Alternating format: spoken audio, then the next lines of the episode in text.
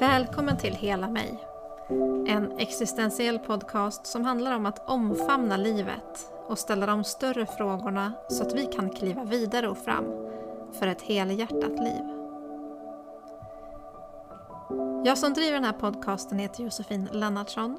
Jag är utbildad teolog och har specialiserat mig på existentiell hälsa. Och det är lite vad den här podcasten handlar om. Och så här inledningsvis de två första säsongerna så har jag bearbetat en hel del av den uppväxt och bakgrund som jag har i en frikyrklig kontext. Och nu är det dags att avrunda säsong två. Och jag tänkte göra det genom att stanna kvar vid några av de teman som säsongen har rört vid. Det här har varit en säsong med många gäster och många fina samtal. Just sådana där samtal som jag älskar. Där vi möts som människor och delar med oss av något som berört eller berör. Jag har alltid varit nyfiken på det som jag inte känner till och jag vill höra andras perspektiv, förstå hur någonting kan upplevas från en annan sida än den som jag ser. Det är alltid någonting som har drivit mig. Och jag tycker det är särskilt viktigt att fortsätta samtala och möta människor som står på en annan plats än den jag själv står vid. Det där svartvita tänket som jag växte upp med och som har präglat många sammanhang som jag har varit i, det kan man faktiskt växa ifrån. Och det gör vi genom samtal. Genom att mötas på mitten och ta del av varandras perspektiv. Och det är vad jag vill ge utrymme för i den här podcasten. Samtidigt så har jag ju här i min podcast chansen att välja vilka perspektiv som får komma fram. Och det blir ofta de där perspektiven som sällan hamnar på första sidorna eller på de stora scenerna. Jag vill ge plats åt det som jag tycker är intressant och som jag är nyfiken på helt enkelt.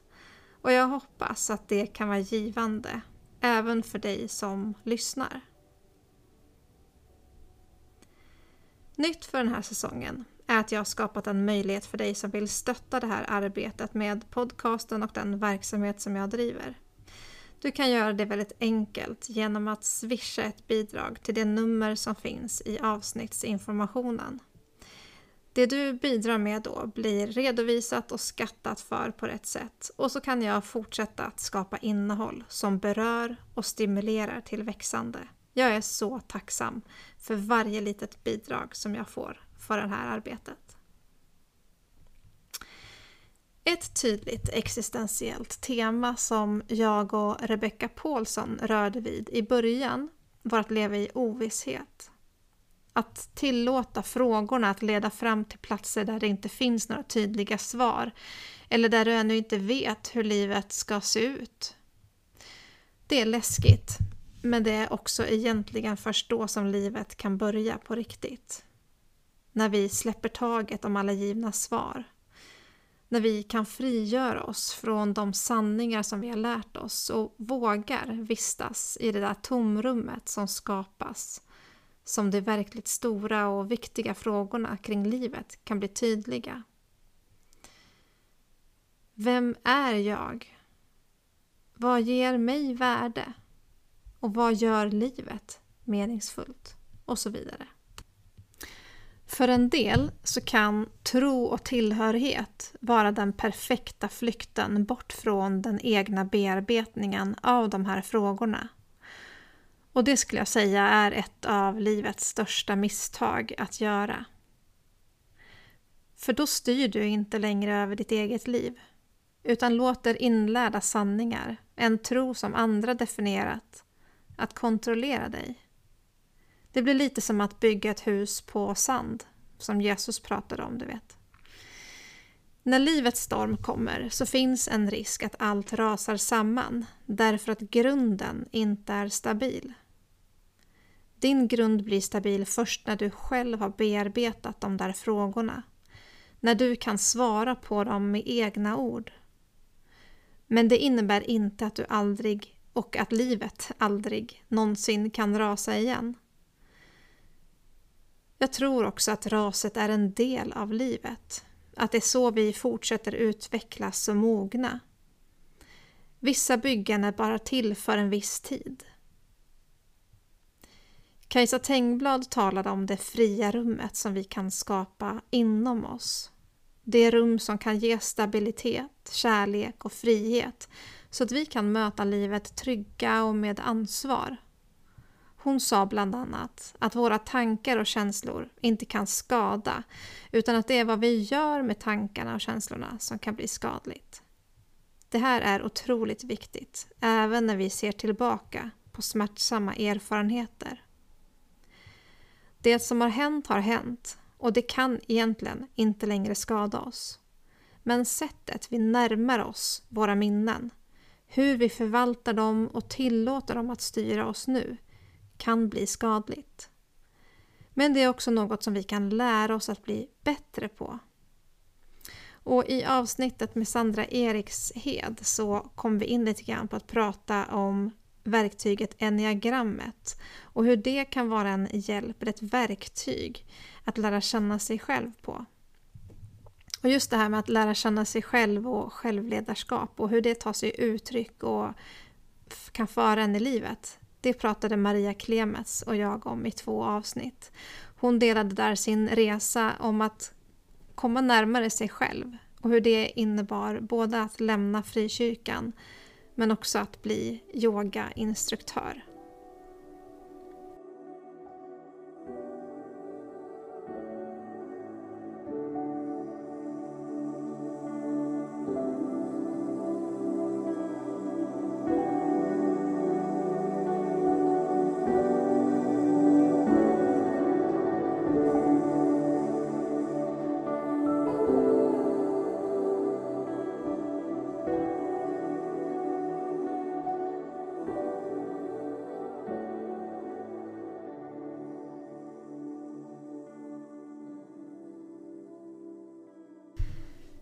Emma-Lill Hector pratade om en inkluderande teologi, om vikten att få äga sina egna ord och beskrivningar och att vi inte kan styra över hur något upplevs eller tolkas utan att teologi alltid måste ha stort utrymme för den personliga beskrivningen.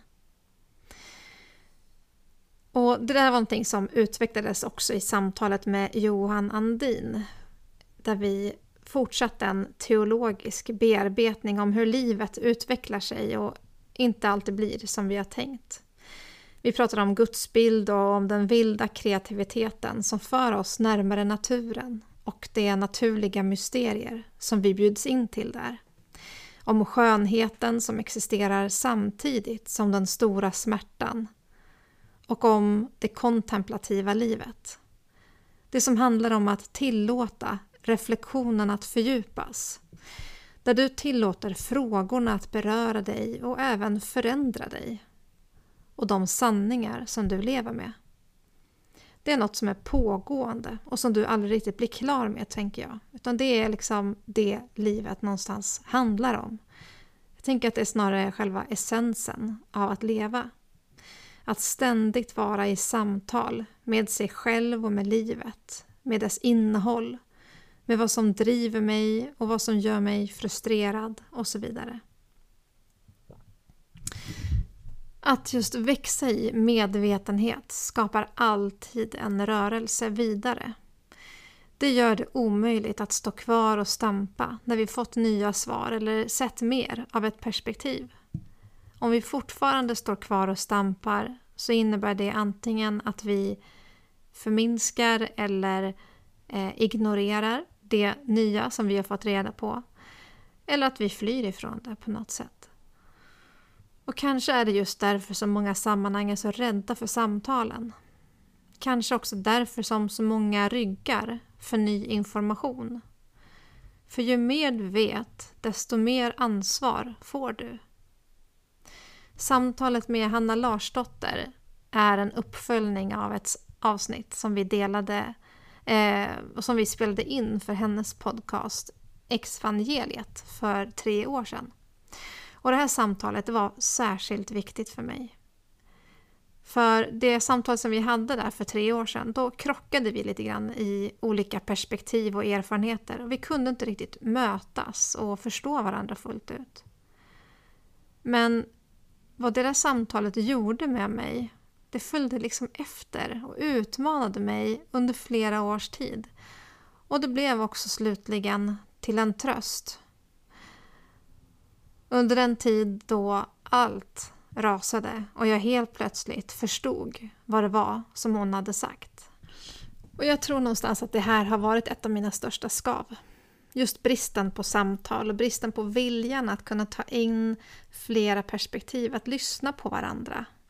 Och att istället för att liksom hamna i olika läger, ta in hur livet kan upplevas ifrån olika håll lära oss av varandras perspektiv. Vi har alltid burit på andra perspektiv. Vi har alltid haft andra synvinklar att ta hänsyn till. Och jag tog tidigt del av andras smärtsamma berättelser. Och så har jag gjort egna smärtsamma erfarenheter. Och det har gjort att jag har lärt mig mer om mekanismerna bakom. Jag ser strukturerna på ett helt annat sätt. Och ju mer jag har lärt mig om vår psykologiska natur, desto svårare har det varit för mig att stå kvar och vara tyst. Stå kvar och fortsätta som om ingenting har hänt. Och slutligen att ens stå kvar.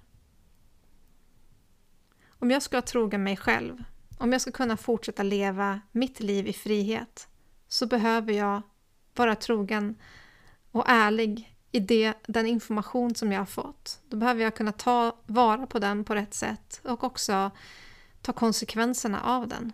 Hur smärtsamt det än kan vara. Men jag upplever att det inte är så många som vill ha den sortens samtal. Det är inte så många som vill brottas med sig själva, verkar det som. Eller med livet i stort. Utan istället så verkar det som att stoppa huvudet i sanden eller snabbt avfärda någonting verkar vara en dominerande, hanterings, ja, dominerande hanteringsverktyg. Förändring, har jag fått höra, skrämmer. Det är jobbigt med förändring. Men förändring kommer också med så många gåvor. Och det är väl det någonstans som jag hoppas och önskar att många fler skulle upptäcka. Rikedomen med förändring, att allt som har liv växer och utvecklas. Förändring kommer med växande, med mognad, med djupare, djupare insikter om hur allting hänger ihop. Och framförallt så kan den komma med ännu mera frihet. Den stora friheten som bor inom oss. Och det är där som den också kan bli som rika källor som flödar fram och som gör att du kan flyga och slå ut i alla dina olika underbara färger och former. Den ligger där latent och väntar på nästa insikt, på nästa platå i livet. Ny frihet för varje nytt steg. Om du bara ville ta det. Om du bara ville öppna dig. Så finns det där och väntar. Men jag vet, frihet har också alltid ett pris. Det kostar i relationer och i positioner. Och du kan inte stå kvar på samma plats och samtidigt vara fri. Att kliva ut ännu mycket mer i din givna frihet innebär alltid också en kostnad där andra kanske inte längre kommer att förstå dina val där du tvingas att gå själv. Det gör ont, men är ofrånkomligt och en del av livet. Om vi flyr från den smärtan så får vi heller inte den växt som vi längtar efter. Då slår det inte ut några nya knoppar utan de vissnar innan de fått chansen att brista. Frihet innebär alltid i grunden någonting positivt för andra människor. Även om det kan verka hotande från början. Särskilt kanske för den som inte längre drömmer eller som aldrig ens har vågat tro att det finns ett utrymme för ens egna drömmande. Frihet hotar nämligen alltid status quo.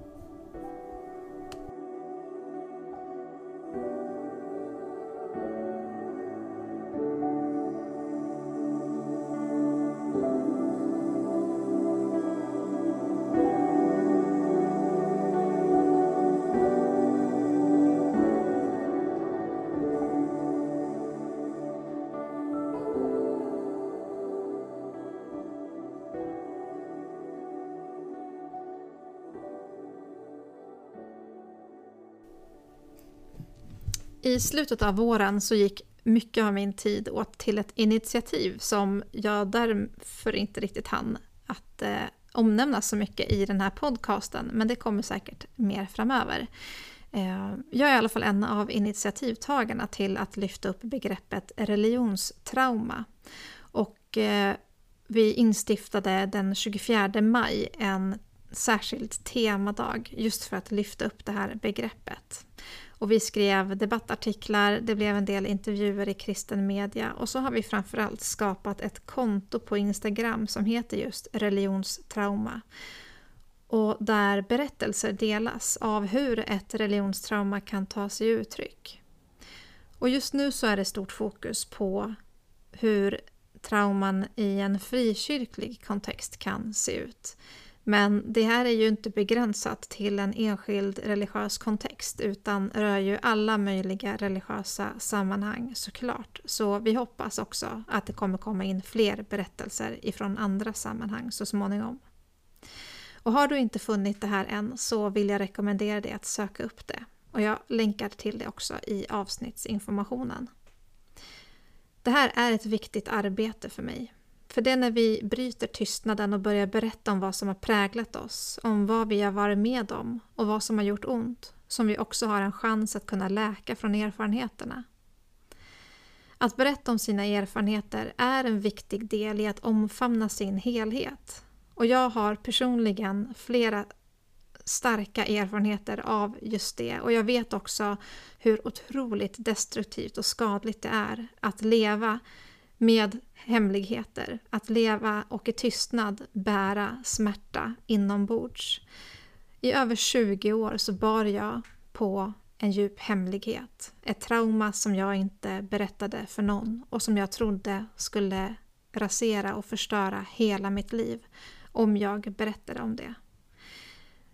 Men när jag väl en dag insåg att jag behövde prata om det jag hade varit med om så rasade visserligen en hel del. Men det var framförallt rädslornas murar runt mitt liv som rasade. Och fram växte en frihet och möjligheten till ett helt annat liv. Därför brinner jag så mycket för de här frågorna, för att lyfta samtalen, för att bryta tystnaden. Därför att jag vet vilken enorm kraft det är att göra det. Och framförallt hur helhet verkligen kan skapas av det. Även om det initialt kan kännas hotfullt och smärtsamt att bryta tystnaden. Läkedom kommer först när vi kan sätta ord på det som vi har varit med om. När vi kan uttrycka vår smärta. Det är så viktigt. Men det är såklart inte enkelt att bryta tystnaden. Och särskilt inte kring någonting som är präglat av så mycket skam som det ofta är med religionstrauma. Där kan skammen komma både från insidan och där du kanske fortfarande tror att det är dig det är fel på. Eller att du har gjort någonting fel. Och så kan den komma ifrån utsidan. Där andra personer anklagar dig för att överdriva, för att älta någonting förflutet eller som kanske inte ens förstår hur någonting som är religiöst kan påverka så djupt. Men det är ju också just det. Att ett religiöst trauma många gånger går djupare än andra trauman.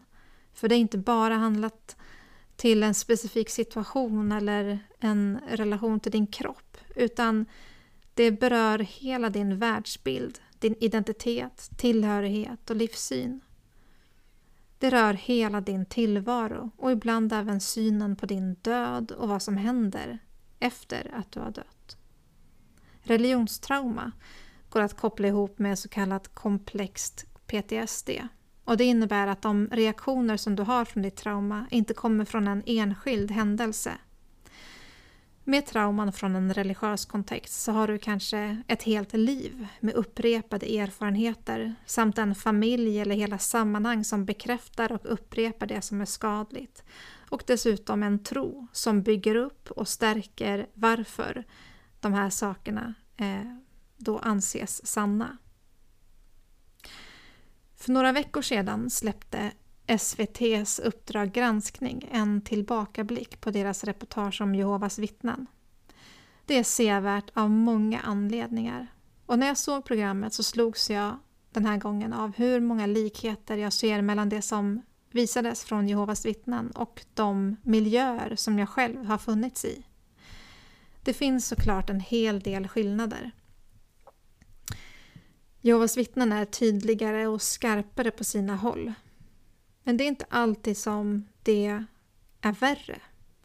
Jag tänker till exempel på det här med uteslutning och hur du kan bli helt bortskuren från din familj och ditt sammanhang. Det ser vi sällan i en kristen kontext. Men jag vet inte alltid om den kristna varianten är särskilt mycket bättre. På ett sätt skulle jag säga att den kanske till och med är sämre, rent existentiellt.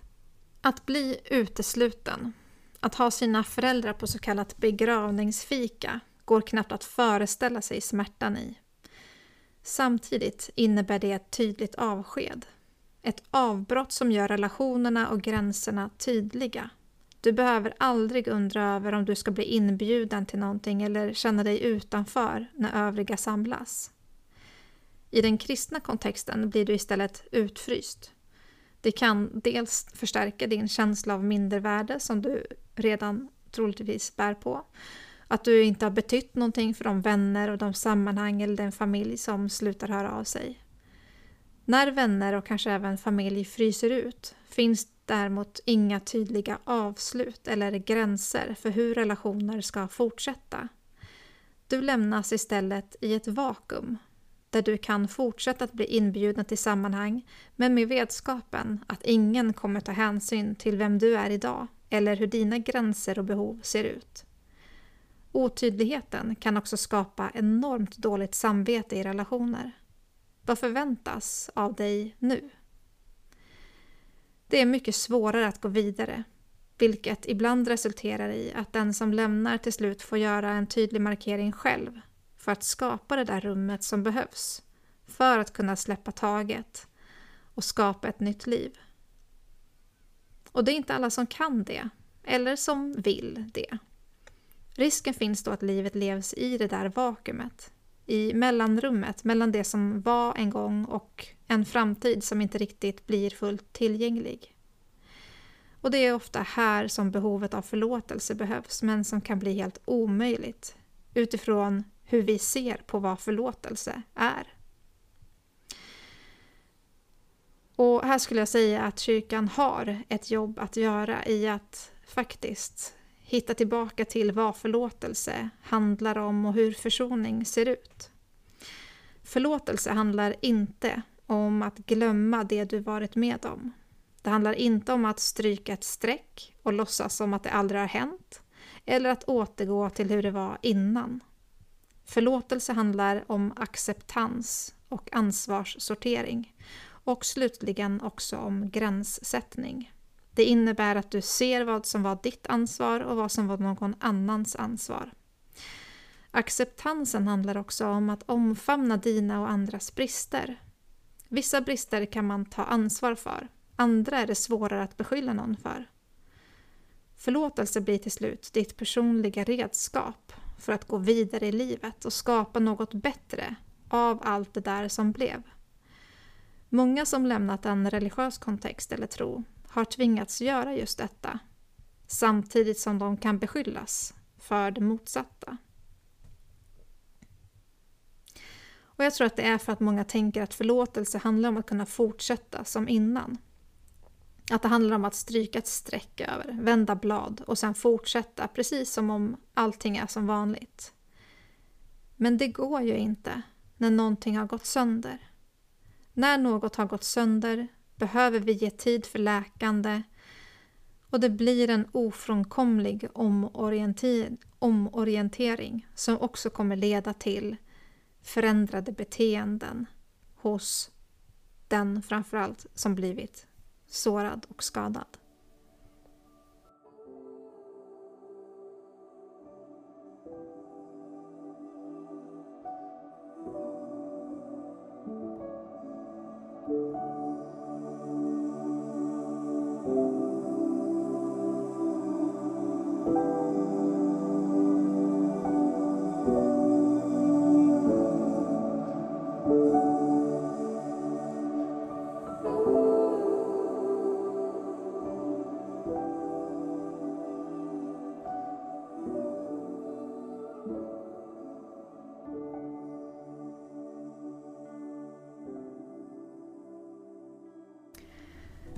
Förlåtelse eller acceptans handlar om att se saker för vad de är. Vad är det som har hänt och hur har det påverkat dig? Vad innebär det som har hänt för dig nu? Acceptans är inte alltid enkelt. När någonting i livet går sönder är det så mycket som påverkas. Du kanske inte alls vill förändra alla dina relationer, ändra din livsstil eller dina beteenden. Men det är precis det som ofta krävs av dig i den här processen. När någonting har gått sönder tvingas vi att möta en ny tillvaro som vi många gånger inte har önskat oss. Och det tar ibland tid att acceptera det. Och det får ta tid att acceptera. Det är ingenting som vi kan skynda fram eller som vi kan forcera på något sätt. Samtidigt så är det så att när du väl har accepterat de nya förutsättningarna så skapas också det på en gång en frihet för dig att välja hur du vill leva ditt liv från och med nu. Och innan du har kommit dit så kommer du alltid att vara låst vid det som är förlorat på ett eller annat sätt. Låst vid det som gör ont. Och det är därför jag tycker det är så mycket bättre att tala om acceptans än om förlåtelse i det här fallet. För vi kan inte skruva tillbaka tiden. Att acceptera livets förutsättningar och hur saker blev är en viktig nyckel för att återta makten över det liv och den tid som du faktiskt har tillgång till. Du har makten att bestämma vad du vill ägna resten av ditt liv till. Och även om det inte alltid är så enkelt att ens komma på vad det kan vara så är det en makt som ligger i dina händer. Förlåtelse, det kan ingen tvinga dig till och det handlar i slutändan bara om dig själv, om din väg vidare i livet. Det är du som till slut väljer att släppa taget om det som har hänt, acceptera konsekvenserna av det som har hänt och skapa nya vägar fram för dig. Försoning, eller upprättelse som man ofta kan prata om också i kyrkan i de här sammanhangen, är däremot någonting som kräver fler inblandade och det är sällan som vi får se exempel på det. Det är också därför förlåtelse kan bli svårt och kännas svårt. Därför att det finns samtal som aldrig blir förda perspektiv som aldrig blir hörda. Erfarenheter som aldrig bekräftas som smärtsamma eller som rimliga anledningar till nya gränser. Det är inte så lätt att förlåta om, de, om det inte har skapats rum för försoning. Rum där ansvar sorteras och där det också finns erkännanden kring fel som har begåtts. Och när det kommer till religionstrauman kopplade till en kyrklig kontext så har alltid kyrkan ett ansvar att skapa rummet för försoning. De rummen skapas när de, de, som har blivit skadade tas på allvar och blir lyssnade på. Det skapas också av att den nya kunskapen förändrar beteenden. När insikter om hur teologi, praktik eller den kultur som skapas är skadlig och man tar ansvar för att inte återupprepa samma beteende igen. Det är också här som det därför blir nödvändigt att lyfta frågan kring religionstrauma och hålla de sammanhang ansvariga. Det handlar inte om att smutskasta. Det har aldrig handlat om det. De som är troende och som älskar sin församling får hemskt gärna göra det. Men man behöver också förstå hur ett sammanhang påverkar de som växer upp i dem. Och man behöver kanske också faktiskt ha med i beräkningen att alla människor är olika och därför svarar olika på undervisning som sker i de rummen som kyrkan äger. Och det är just bristen på viljan att lyssna och förstå som gör att många nu bryter tystnaden och delar med sig av sina erfarenheter i andra forum. I grund och botten så är det samtal och ömsesidiga möten som önskas. Och det är nog också det som är den stora sorgen för mig. Att det inte riktigt verkar vara möjligt. Jag för gärna samtal. Jag vill också gärna veta när jag själv har brustit så att jag kan lära mig att ta ansvar för det. Så att jag kan be om förlåtelse när det behövs. Jag vill lära mig. Jag vill se mer av komplexiteten i tillvaron. Jag vet att det inte är svart eller vitt. Att det finns så mycket mer att väga in. Jag vill relation. Jag vill samtal och lyssnande. Jag vill lärande tillsammans. För jag har stått på båda sidor av tröskeln och jag vet hur det kan kännas. Alla frågor man kan ha. Och just det där blev till en dikt i våras. Jag var också där. Där på andra sidan. Oförstående för smärtan i det steg som ledde bort.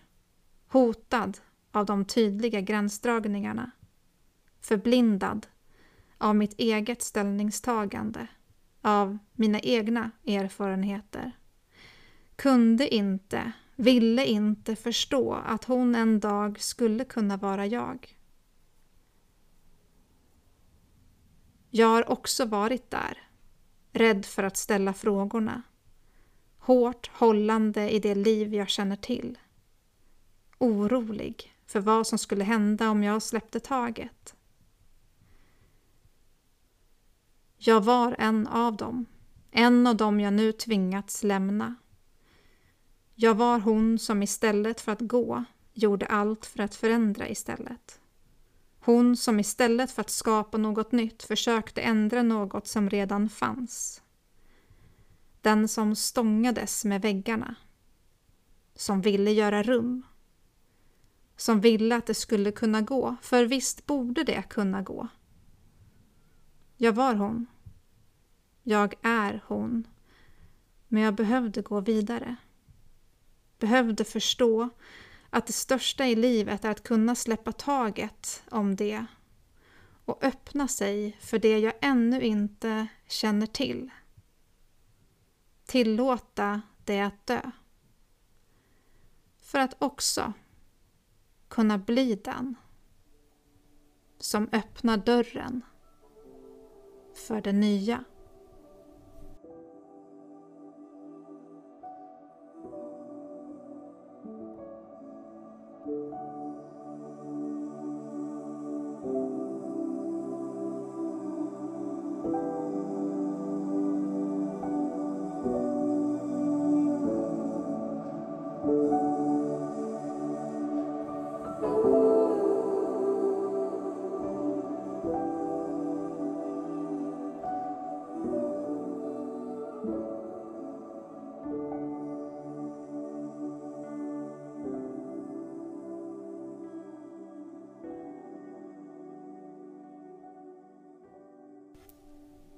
Förlåtelsen är personlig. Du bestämmer själv när du är redo för den. Det gäller både den som har blivit sårad och den som har sårat. Båda behöver förlåta sig själva och acceptera det som har skett.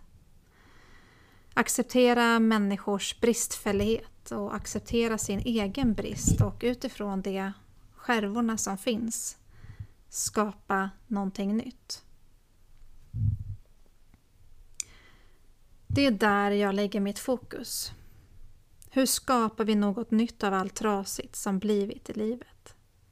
Det har blivit lite av en livskonst för mig. Jag har gjort den här resan några gånger nu. Det är också därför som jag håller på att bygga upp en ny plattform som heter Kontemplativ praktik. Jag vill dela med mig av övningar, perspektiv, forskning och beprövade tekniker som både har funnits sedan urminnes tider och som nu har vetenskapligt stöd för sin funktion. Men det kanske inte är på samma sätt som du lärt dig det, eller som du tror att det fungerar. Kontemplativ praktik handlar väldigt lite om övernaturlig magi och mer om att ge rum för den naturliga magi som omger oss hela tiden. Att du andas och genom andningen både syresätter kroppen och kan lugna ditt nervsystem. Att en tanke du tänker antingen kan stärka din känsla av livskvalitet eller sänka den. Allt jag fått med mig från min uppväxt i kyrkan är inte dåligt. Det finns mycket jag är tacksam för. Traditioner som lärt mig att jag själv är ansvarig för min utveckling och mognad. Att jag kan träna mig på områden som livsglädje, förundran, tålamod och så vidare. Att det är inget som magiskt ploppar fram hos enstaka personer eller som vissa föds med och andra inte. Det är någonting som vi kan träna och bygga upp genom medvetna handlingar. Genom så kallade andliga övningar om du så skulle vilja. Under sommaren har jag skapat en utmaning i att praktisera tacksamhet som ett enkelt sätt att testa på just detta. Tacksamhet är ett laddat ord för en del i kyrkan. Det var så mycket du skulle vara tacksam för. Och när uppmaningen kommer utifrån så ger det inte riktigt någon hälsoeffekt. Men om du själv bestämmer dig för att testa och vilja se vilken skillnad som det kan göra i ditt liv på ditt sätt så tror jag att du kommer att märka skillnad. Men precis som med alla andra metoder som handlar om självledarskap och mognad så går det inte att garantera resultat. Det handlar om hur du närmar dig utmaningen och på vilket sätt du låter den bli en del av din vardag.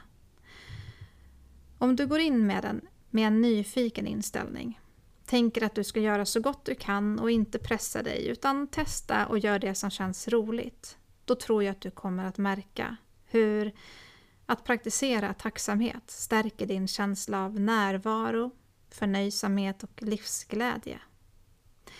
Och om du skulle vilja testa på det här så lägger jag också in en länk med mer information om utmaningen på det här avsnittets information. Slutligen så skulle jag vilja ta chansen att tipsa om några andra poddar och poddavsnitt som har betytt mycket för mig det senaste året. Tre svenska poddar som jag vill tipsa om, till exempel.